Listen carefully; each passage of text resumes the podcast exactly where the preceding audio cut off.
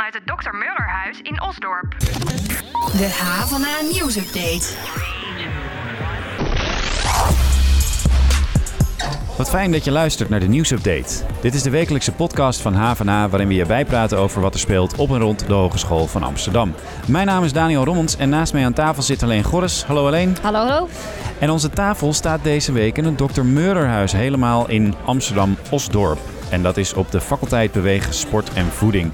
We hebben onze hele redactie voor drie dagen verhuisd. En net als de vorige keer in het Wieboudhuis hebben we een eh, open microfoon neergelegd voor studenten en medewerkers. En eh, wil je weten wat daar eh, allemaal ingezegd werd, alleen? Absoluut. Hoe hoog moet die microfoon zitten? Niet in mijn kont knijpen, Ivan. Hallo allemaal, wij zijn hier op de FBSV en wij zijn hier allemaal in kersttrui. Wij willen het een nieuwe traditie maken dat de drie weken voor de kerstvakantie iedereen op dinsdag in kersttrui naar school komt. Dus volgende week dinsdag doe allemaal je supervetste, lelijkste, mooiste kersttrui aan. Bij de ALO is het normaal dat je veel lichamelijk contact hebt. Je kleedt samen om. eh, Je hebt veel feestjes en je sport samen. En voor mensen die niet op de ALO zitten, ehm, is dat af en toe best wel lastig. En daarom gaan er best wel wat relaties uit op de ALO. Nou, dit is de enige faculteit die ook een eigen kroeg heeft. Dat wordt gerund van de studenten, door de studenten. Dan moet ik niet alleen het treurige nieuws vertellen, want er ontstaan ook best wel veel relaties op de ALO. Nou, ik denk dat we de opleidingscommissie moeten gaan interviewen. Omdat die eh, heel erg aanwezig is op deze faculteit. Wij zijn iedere dinsdag en donderdag geopend. En op de vrijdag hebben wij een eh, vrij MIBO met docenten. Ik vind ehm, dat de kantine bij ons, dat eigenlijk het eten wat aangeboden wordt, in principe eh, prima kwaliteit. Alleen, ja, het, het is vrij duur voor studenten onder ons en ik denk dat iedereen dat wel vindt. Nou, ik eet geen bewerkt vlees meer omdat het super ongezond is. Het is slecht voor de wereld en we kunnen beter allemaal wat meer plantaardiger gaan eten. En als je dan op vlees eet, kun je wat minder eh, bewerkt vlees eten. En de laatste die je hoorde, dat was student Berend Kluifhout. Hij is student voeding en diëtetiek hier op deze faculteit. We praten straks met hem verder over gezond eten als student. En daarna schuift Katelijne Boerma bij ons aan. En zij is fietsburgemeester van Amsterdam. Maar voordat we weer gaan uitleggen wat dat betekent, vertelt Helene wat wij deze week allemaal tegen zijn gekomen. Nou, een van de opleidingen die hier huist is de ALO. En de ALO is begonnen op het eh, Olympiaplein in Amsterdam-Zuid. Wat is de ALO eigenlijk? De ALO is de Academie voor Lichamelijke Opvoeding. We zijn de archief eh, is ingedoken om te kijken hoe het er vroeger aan toe ging op de ALO. En toen vonden we onder andere dit polygoonjournaal uit de jaren 70 over een springkussen. Een idee vol mogelijkheden, gelanceerd in Wenen en in Nederland verbeterd volgens adviezen van een bewegingstherapeut, is het opblaasbare reuzenluchtbed dat deze dagen in de Amsterdamse Academie voor Lichamelijke Opvoeding gedemonstreerd werd. Het is gemaakt van een polyesterweefsel met polyvinyl en het wordt met lucht gevuld door een blazer met een capaciteit van 1500 kubieke meter per uur. De initiatiefnemer Rudy Steuer liet het kussen oorspronkelijk ontwerpen voor gehandicapte kinderen die er zich veilig op kunnen bewegen. En hoe meer er tegelijkertijd op dansen en springen, des te meer beweging krijgen ze, omdat die beweging op het golvende kussen zich als vanzelf aan iedereen meedeelt. Ook allerlei spelen zijn erop mogelijk. Door een systeem van koorden en rubberstrengen kunnen onder- en bovenkant strakker worden verbonden. Het oorspronkelijk therapeutisch effect is voor de sportwereld een bewegingsstimulans geworden. Want wie op dit luchtkussen zit, ligt, loopt of danst, dwingt daarmee niet alleen zichzelf, maar ook anderen tot beweging, waarbij alle spieren van het lichaam in actie komen. Er is een grote kans dat het apparaat door tal van gymnastiek- en sportclubs en ook door scholen zal worden aangeschaft. En dat men werkelijk tot beweging gedwongen wordt, bewijzen deze opnamen. Het apparaat kan zeker het begin betekenen van een revolutionaire ontwikkeling voor de lichaamsbeweging en de bewegingstherapie. Dat is hoe het vroeger ging op de ALO. En wij zijn samen met de ALO-student Daan Cornelissen gaan kijken hoe een les er nu aan toe gaat. Heel oud. Goed, Carlo. Wat wat? Ja, ja, ja, ja. Hey, de riemen. Vandaag eh, zijn we wennen en keren aan het oefenen. We hebben ehm, het lopen proberen we te verbeteren. En dat heb ik eh, vandaag in mijn les gestopt. Het is belangrijk dat, eh, dat leerlingen in een ander jasje de stereotype sporten gaan krijgen. Vind ik. En ehm, als we gaan eh, lopen, eh, dan denken we meestal meteen aan atletiek. Maar waarom kunnen we niet bijvoorbeeld onderdelen van atletiek, het lopen, ehm, stoppen in bijvoorbeeld spelvormen als voetbal of in, eh, in basketbal? Vandaag is het natuurlijk om te laten zien eh, aan, de, aan deze studenten van hoe kunnen ze dat op hun eigen eh, stage bijvoorbeeld in verwerken voor kinderen. Tussen de grote pion en de kleine pionnetjes. Tussen de grote pion en de kleine pionnetjes zijn acht grote stappen, dus ongeveer 8 meter. Maak een groepje van, eh, van drie. Pak een grote pion met de pionnetjes erop en zoek een veldje. Ja, wat ik veld. Het is belangrijk dat, eh, dat leerlingen eh, het leren om wendbaar te worden. Op het moment dat ze bijvoorbeeld bij voetbal of bij eh, basketbal moeten ze natuurlijk ook die wendbaarheid moeten ze, moeten ze gebruiken. Dus daarom is het juist belangrijk dat het terugkomt in, eh, in mijn lessen. En ook in lessen van, eh, van de studenten waarbij ik het nu vandaag heb laten zien. De, de studenten die luisterden goed naar me en ze vonden het allemaal heel, heel erg leuk. Ehm, het enige feedback dat ik kreeg en wat ik zelf ook wel redelijk vond, is dat ik eh, qua tijd niet helemaal lekker zat. Ehm, ik kon, van tevoren kon niet echt goed eh, alles klaarzetten. Dus dat was wel, eh, was wel redelijk lastig. En dat merkte ik ook in mijn, in mijn oefening, dat ik niet alles heb kunnen doen. Maar nee, ik ben, ik ben wel redelijk tevreden erover. Ik denk ook, denk ook wel dat het op het moment dat ik het op mijn stage zou doen, en überhaupt als ik voor de klas sta, dat het ook wel, wel zou lukken. Dit fragment is ook als video op onze site te zien.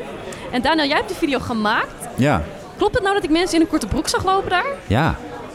Ja, dat eh, vond ik ook eh, gek. Eh, en ik vroeg ook waarom heb ik een korte broek aan. Maar dat veld waar ze op stonden, dat was nat. Het regende namelijk. En hij zei, ja, wat is er nou vervelender dan een beetje koude benen? Dat is een beetje koude benen met een natte broek er tegenaan. Dus eh, ja, mensen in de korte broek. En dat, ze staan dus echt van, van, nou wat was het, kwart voor één begonnen ze. Tot een uur of vijf smiddags staan ze daar buiten. Terwijl alle andere HVA-studenten lekker warm in een collegezaal zitten. Deze faculteit bestaat niet alleen maar uit sportende mensen die in de kou staan. Want er wordt ook van alles met voeding gedaan hier. Op de vierde verdieping eh, is bijvoorbeeld het Food Lab. En daar wordt volop geëxperimenteerd met gezond eten. Zo zijn er bijvoorbeeld vegetarische kebab en vegan hotdogs gemaakt. Eh, wat een kantine vol met ongezond voedsel, dat kan natuurlijk eigenlijk niet op een faculteit waar beweging en eh, gezondheid zo centraal staan. Nee. Onze redacteur Suzanne die eh, is een kijkje gaan nemen in het Food Lab. Ik ben hier met Lars Vierbergen en hij is een van de oprichters van Foodlab. Kan je vertellen wat Foodlab precies is? Uh, Foodlab is een uh, studenteninitiatief uh, waarin voedingsproducten worden ontwikkeld. En die worden met studenten ook geproduceerd in de keuken van het gebouw hier. En die worden beneden in de kantine worden ze aangeboden aan de studenten en medewerkers. Hoe gaat dat in zijn werk? Hoe bedenken die studenten die producten? Tijdens het, het, les, het, lesprogramma van de opleiding worden studenten uitgedaagd om innovatieve, gezondere, duurzamere of producten met een verhaal te ontwikkelen. Wij gaan met de studenten die daar mee aan de slag willen verder om ze dan te ontwikkelen tot een product wat ook op grotere schaal kan worden geproduceerd. En daarvoor werken we ook samen met de cateraar.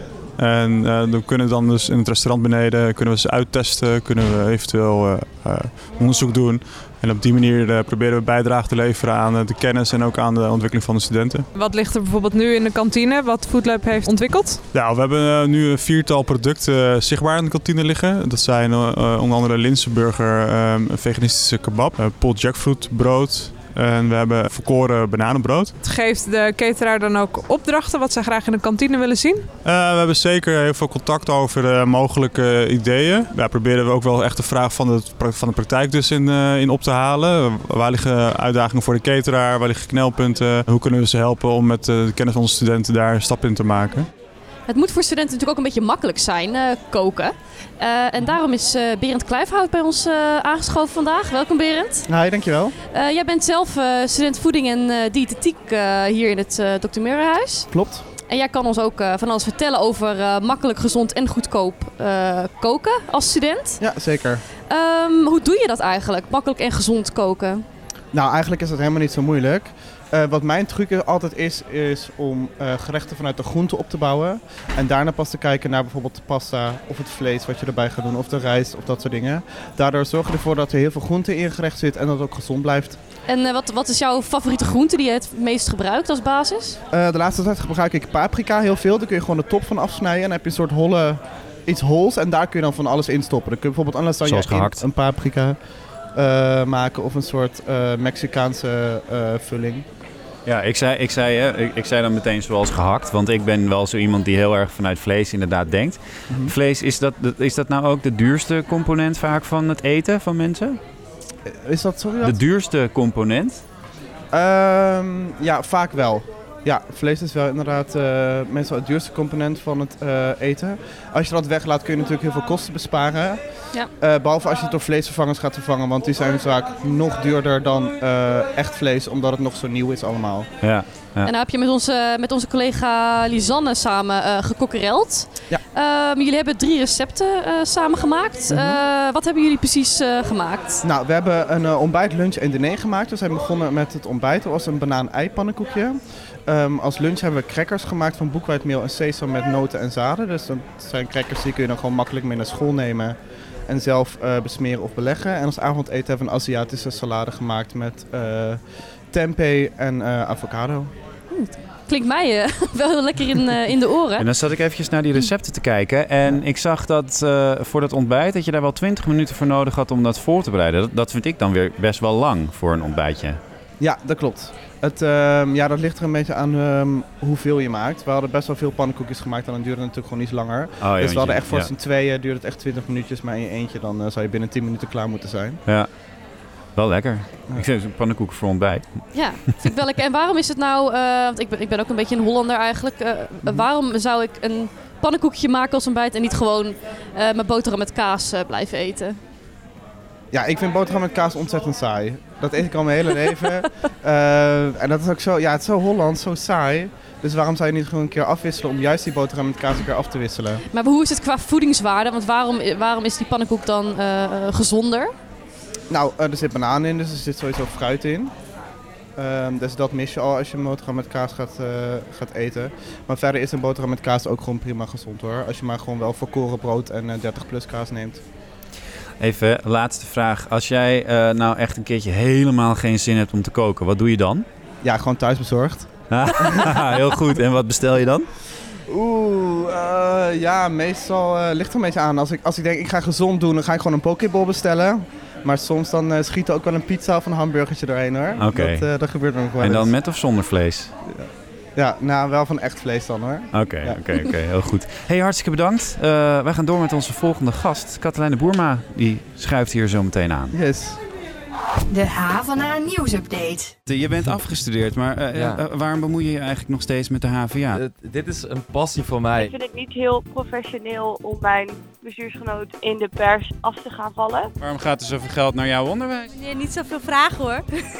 Wil je niets missen van het nieuws en de verhalen op de campus? Schrijf je dan in voor de nieuwsbrief op havana.nl. Iedereen op de fiets. Dat is de missie van Katelijne Boerma en zij is de fietsburgemeester van Amsterdam. Die missie die is mooi te combineren met haar werk als docent en opleidingsmanager bij Dit wordt een hele mond vol, Sport, Management en Ondernemen en International Sport Management and Business. Allereerst Katelijne, wat is dat eigenlijk allemaal? Wat voor woorden heb ik net uitgesproken? Ja, je hebt het dan over ehm, sport- en beweegopleidingen.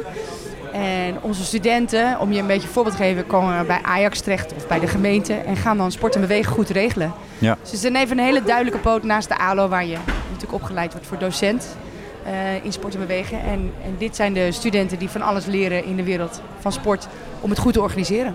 En jij gaat eh, elke dag met de auto naar je werk, heb ik begrepen? Over mijn dead body. Nee, je zit, ik, eh, ik heb jou eh, vorige week gefotografeerd voor het artikel dat we hebben geschreven op de pont eh, over het ei. Want jij komt helemaal vanuit Noord naar Nieuw-West op de fiets. Vind je dat, is, ver? dat is nogal een eind, toch? Ja, dat weet ik niet. Ik zou stiekem willen dat ik nog ietsje verder woonde. Ja? Ja. Vind Is ook goedkoper, ik bedoel- te, kwartiertje te kort. Oké. Nog liever ietsje langer gefietst. Want waarom? Waarom is dat? Nou, ik vind het... eh, ik heb drie kinderen thuis. Dus als ik thuis kom is het best wel thuis zijn en heel georganiseerd om dan nog weer apart eh, te gaan sporten. Eh, dan ligt iedereen in bed en et cetera. Dus nee, ik ben echt wel blij als ik een goede workout op de fiets heb gedaan. Ook Ja. omdat ik het heel leuk vind om te fietsen. Ehm, het uitzicht bijvoorbeeld dat ik elke dag wel een andere weg heen dan terugneem. En wat vind, je, nou- wat vind je nou zo lekker aan fietsen? Wat, wat brengt dat jou? Ja, ik vind fietsen heel avontuurlijk. Ik vind dat er veel gebeurt als ik fiets. Er is veel contact met mensen. Nou, dat zegt wel iets over mij, dat vind ik echt leuk. Ja. Eh, maar ik vind het ook heel gaaf. Ik ben uiteindelijk best wel een stadsmens. om te zien wat er allemaal gebeurt in die stad en hoe die zich ontwikkelt. Ja. En, eh, Het is echt jouw stad, want jij bent de fietsburgemeester van Amsterdam. Kun je, kun je uitleggen wat je nou, eh, wat doe je nou op een gemiddelde maandag als fietsburgemeester? Fietsburgemeester. Er is veel social media te onderhouden. Dat is als eerste een, een belangrijke. Die speelt misschien wel bijna elke dag. Ja, wat doe je op social media dan? Nou, ik, ik heb veel geleerd over wat fietsen in de rest van de wereld betekent door eigenlijk content van social media te halen. En is in dit geval eh, Twitter heel goed om veel artikelen daarvan te halen. Dus ik heb, me, ik heb gesolliciteerd als fietsburgemeester, ben aangenomen. Maar ik was, was ben maar een beperkte professional in de fiets. In de zin van, ik heb geen stedenbouwkundige achtergrond. Ik ben geen planoloog. Ik heb geen... Hè, dus eh, ik was... eh, ik, regelde, ik regel mijn hele leven rondom de fiets. Ja, En daar heeft, dat heeft wel voor gezorgd dat ik als fietsburgemeester maar gekozen je hebt ben. natuurlijk wel eh, je hebt, je hebt een sportachtergrond. Je Ja. geeft hier les bij de beweegsport en voeding, dus je hebt wel enige nee. kennis, toch? Ja, En nee, wat- is echt een rode draad in mijn leven. Ja, dat en, zeker. en, en, en hoe combineer je dat dan? Eh, ik bedoel- ik bedoel eigenlijk, wat, wat neem je vanuit je werk hier op de HVA mee in dat fietsburgemeester zijn? Ja, er zijn verschillende haakjes, zou ik eigenlijk zeggen. Ten eerste hebben we heel veel goede, leuke studenten. eh, die, die in de wereld van sport en bewegen veel willen betekenen. Mhm. Eh, dus dat neem ik mee. Hè. Dus, dus als er projecten zijn waar ik studenten voor nodig heb, dan, eh, dan breng ik dat onder de aandacht. En dat is ook wel bijvoorbeeld laatst bij een minor sport development is dat heel goed gelukt. Die, ook een, ja, die hebben eigenlijk een heel groot project gedaan voor alle internationale fietsburgemeesters in de wereld. Allemaal gave plannen uitbedacht. Want er zijn er meer. Ja, er zijn er ik. meer. Ja, het is een internationaal. Het is echt de Bicycle Mayor Program. Eh, en dat is eh, is founded by, by Bikes. En dat is een eh, NGO die eigenlijk fietsen wil stimuleren in de hele wereld. En daar heeft het concept van de fietsburgemeester bedacht. Het is gestart in Amsterdam, maar ik ben de tweede fietsburgemeester in Amsterdam. Het gaat heel hard in de rest van de wereld. Wat, wat we is hebben er nu de, 50 bijna. Is er ook Ja. ergens een. eh, waar is er een fietsburgemeester waar er eigenlijk helemaal nog niet gefietst wordt? Is die er? Panama City. Oké. Sinds een paar maanden een fietsburgemeester. Nou, die heb ik eh, onlangs ook mogen ontmoeten op eh, een Bicycle Mayor Summit. Hebben we in Mexico City georganiseerd. Ja. Was ik met alle fietsburgemeesters. En het grappige is, dan vraag je, ehm, hoe, wat is de rol van fietsen op dit moment in Panama City? 0,06% fietst of loopt. Ja. 0,06 in Amsterdam op dagelijkse basis 60%. Ja. Maar je zou ook zeggen, in, in zo'n land, eh, daar, daar hebben ze wel andere dingen aan het hoofd dan, dan de fiets promoten. Waarom is dat dan toch, waarom willen ze daar dan toch iets mee? gigantische gezondheidsklachten, overgewichtklachten, actieve leefstijlklachten. Ja, dan komt die fiets echt als oplossing, zou ik bijna zeggen. Hey, je kan dan eigenlijk, je kan dan eigenlijk enorme ehm, eh, energie aan je dag toevoegen. En vanuit een hele economische gedachte kom je ook nog van A naar B. Ja. Dus gewoon echt een bewegende eh, leefstijl. Dat, daar, nu komt hij heel erg in beeld. En wat ook heel duidelijk is, is dat die steden, die staan stil. Namelijk, dat is heel ironisch, maar de auto is natuurlijk uitgevonden om lekker van A naar B te gaan. Maar de ironie is, als je heel veel auto's hebt, dat iedereen dan stilstaat. Ja, je staat bij hebben we in A en half voor maken het we dat ook stoplicht de mee. hele tijd. En dat speelt Nou, ook heel veel zo. nou en dat geeft een hele slechte ik, eh, luchtkwaliteit ook. ja.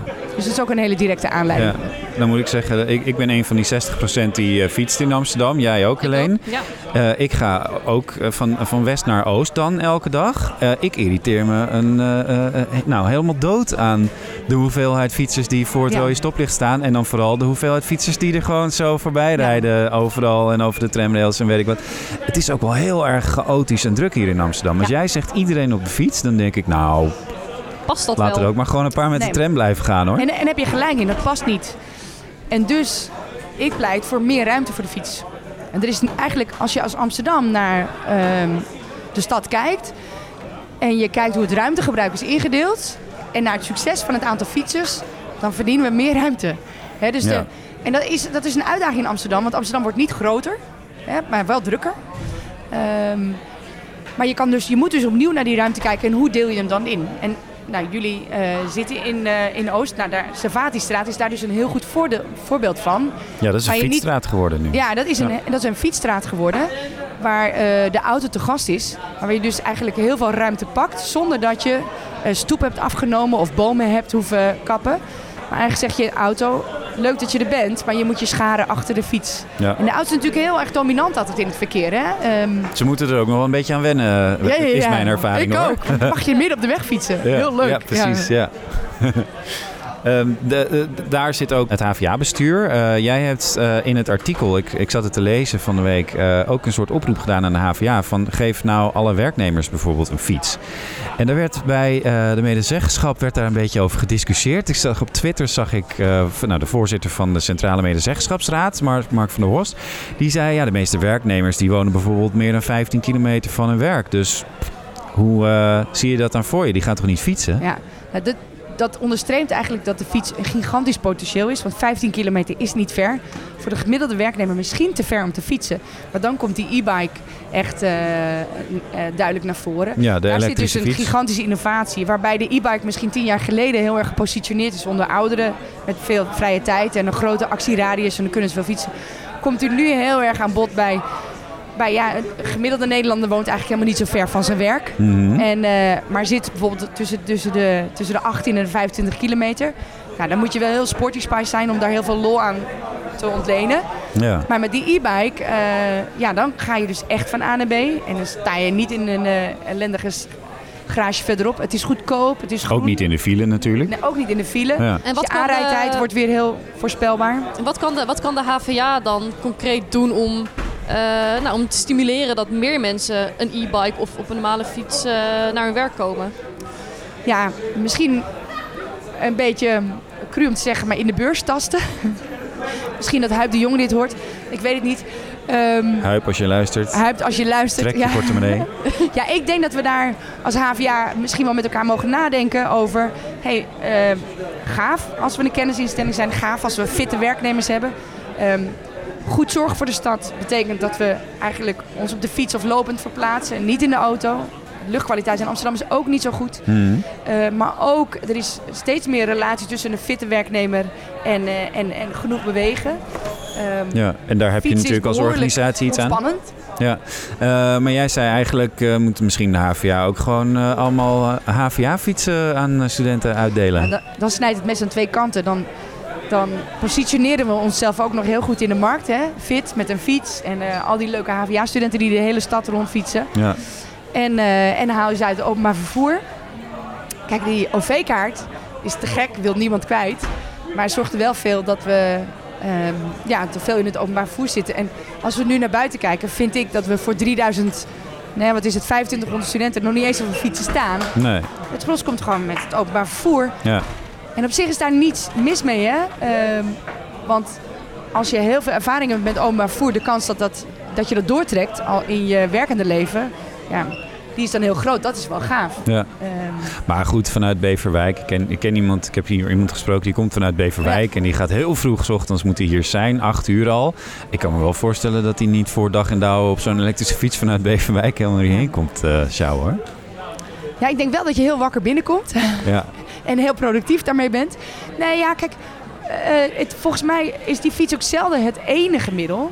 Maar je moet je het heel vaak in relatie zien met andere vervoersmiddelen. En ehm, een heel goed voorbeeld van is, is dan de OV-fiets. Ja. Die heeft de, de treinen weer voller gekregen, omdat je dus de last mile organiseert. Hè? Dus wat je ziet is dat eh, als je bijvoorbeeld vanuit buitenland naar Nederland komt, dan zie je meteen dat de treinstations heel anders eruit zien. Namelijk met gigantische fietsenstallingen. Ja.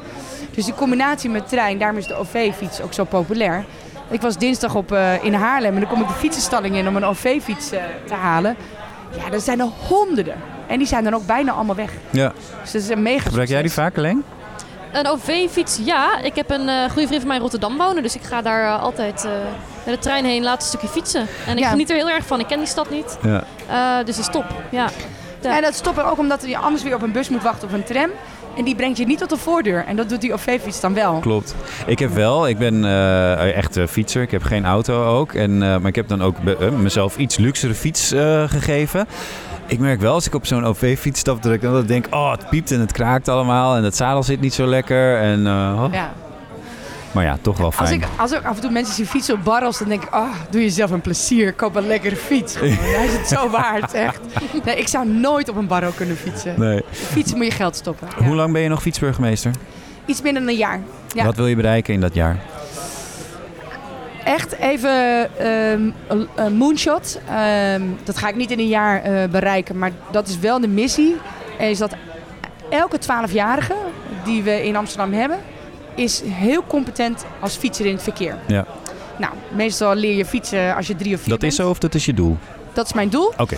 Dat is mijn doel. En, dus, en, dan, en dan hebben we het over ehm, een, eh, 125.000 kinderen in de stad. Hè, dus we hebben een zevende van de Amsterdammers. Dat die gewoon heel competent zijn. Omdat ze gaan dan naar de middelbare school. Ja, dan moet je niet suf in de bus gaan zitten. Dan ben je dus opgevoed met de fiets en dan blijf je fietsen. En die middelbare school is vaak veel verder. En heeft allemaal uitdagingen, want dan opeens ga je wel de centuurbaan over. En eh, hè? Nou, Ja. ik hou mijn hart vast als mijn eigen dochters dat moeten doen. Maar als je competent in het verkeer betekent dat je het niet alleen kan fietsen, maar dat je de, het verkeer kan lezen. Dat je het verkeer snapt. Je snapt de tram, de vrachtwagen, et cetera. Maar mijn tweede, daarbij horende doelstelling is, is dat alle Amsterdammers dan zeggen... en wij willen dat al die kinderen in het verkeer fietsen. Dus wij, ja, ik zou zeggen, wij tonen bijna daar eerbied voor. En wij omarmen dat. Dat zijn de kinderen van de stad. En die geven wij de ruimte, het goede voorbeeld. Ja. En niet asociaal. En er is ook een, licht. eh, een, een kind fietsburgemeester in Amsterdam, toch? Ja, daarom heb ik inderdaad eh, een verkiezing georganiseerd om eh, junior fietsburgemeester eh, naast me te hebben. Ehm, en dat is Lotta geworden. Dat was een hele leuke verkiezing. Ehm, ik heb hem heel open gehouden. Ik heb gevraagd wat vind je leuk en belangrijk als je naar school fietst. En eh, nou, er zijn films gemaakt, games gemaakt, tekeningen gemaakt, essays, alles. En uit die fietshelden is uiteindelijk een junior fietsburgemeester gekozen. Ja. En dat was eh, ja, wereldnieuws, denk ik dan. Want het was de Ja, is eerste dat junior zo? fietsburgemeester van de wereld. Nou, het is heel leuk opgepikt. Eh, internationaal. En wat was, wat was haar idee van, eh, van Lotta, de fietsburgemeester? Ja, Lotta had een onwaarschijnlijk simpel idee. En zij zei, zij is net als heel veel kinderen in Amsterdam, groeit ze niet op met een autobezit. Eh, uiteindelijk heeft de Amsterdammer maar 25% heeft een auto. Ehm, groeit niet op met een auto, maar gaat wel met de trein eh, door het hele land naar opa en oma. En dus in het laatste 15 minuten pakken wij een OV-fiets. En dan moet ik achterop zitten bij mijn vader en dat doet onwijs pijn. Ik wil een kinder-OV-fiets. Dus we zijn in gesprek met de NS. En eh, die is nog niet zo snel, maar wij zetten onze tanden erin. En we willen in ieder geval een pilot. En eh, eigenlijk vanwege het succes van de OV-fiets zegt de NS nu... Ja, maar we moeten ook gewoon zorgen dat onze stallingen vol staan... en dat iedereen eigenlijk die fiets dan kan pakken. Ja. En als we nu ook nog kinderfietsen moeten neerzetten... dat is wel een uitdaging voor ons. Ja. In operationele zin. Ja. Maar ze gaan wel... Ja, we, we, we, we gaan voor een pilot. Over een jaar eh, spreken we jou nog een keer en dan kijken we hoe ver die pilot is en of jij je doelen eh, eh, voor een deel hebt behaald. Want je zegt nu al, het is misschien te, te ambitieus om in een jaar te willen doen. Hartstikke bedankt dat je nog even bij ons wilde aanschuiven. Ja. Voor een tweede keer eigenlijk deze Ja. week. Want we hadden je natuurlijk al gesproken. Ehm, dit is hem Helene. Dit is de laatste reguliere podcast van dit jaar. jaar, hè? Mijn Ja. god, ja. We gaan hem afkondigen. Ja, volgende week is er nog wel een podcast, maar dan is het een eh, speciale met lector Stam Major. En hij vertelt vanuit zijn persoonlijke ervaring over hoe de HVA omgaat met werknemers die in de rouw zijn. Ja, en op 19 december, een week later, sluiten we het jaar af met de bekendmaking van de HVA van het jaar. We praten dan live in Café Fest met vijf HVA'ers die op hun eigen manier hebben bijgedragen aan de HVA en de maatschappij. En natuurlijk hoor je dat ook in onze podcast. En in de tussentijd, Gaan wij natuurlijk gewoon door met verhalen maken over de hogeschool. Dus houd daarvoor onze website in de gaten, havana.nl. ja, en vergeet ons vooral niet te volgen op Soundcloud en iTunes voor deze podcast, maar ook op Instagram, Facebook, Twitter en ons videokanaal op YouTube voor alle leuke en belangrijke items die we maken. En schrijf je in op onze nieuwsbrief, want die gaat vanaf nu elke maandagochtend in je mailbox verschijnen. Bedankt voor het luisteren en eh, ja, zeg ik tot volgende week? Nou, niet helemaal, want Tot volgend jaar eerder, denk ik. ja, een beetje hè? Ja, oké. Dag 2019, allemaal. Een mooi jaar. Gelukkig nieuwjaar alvast. Gelukkig nieuwjaar. Fijne kerst. Of eh Hanukkah.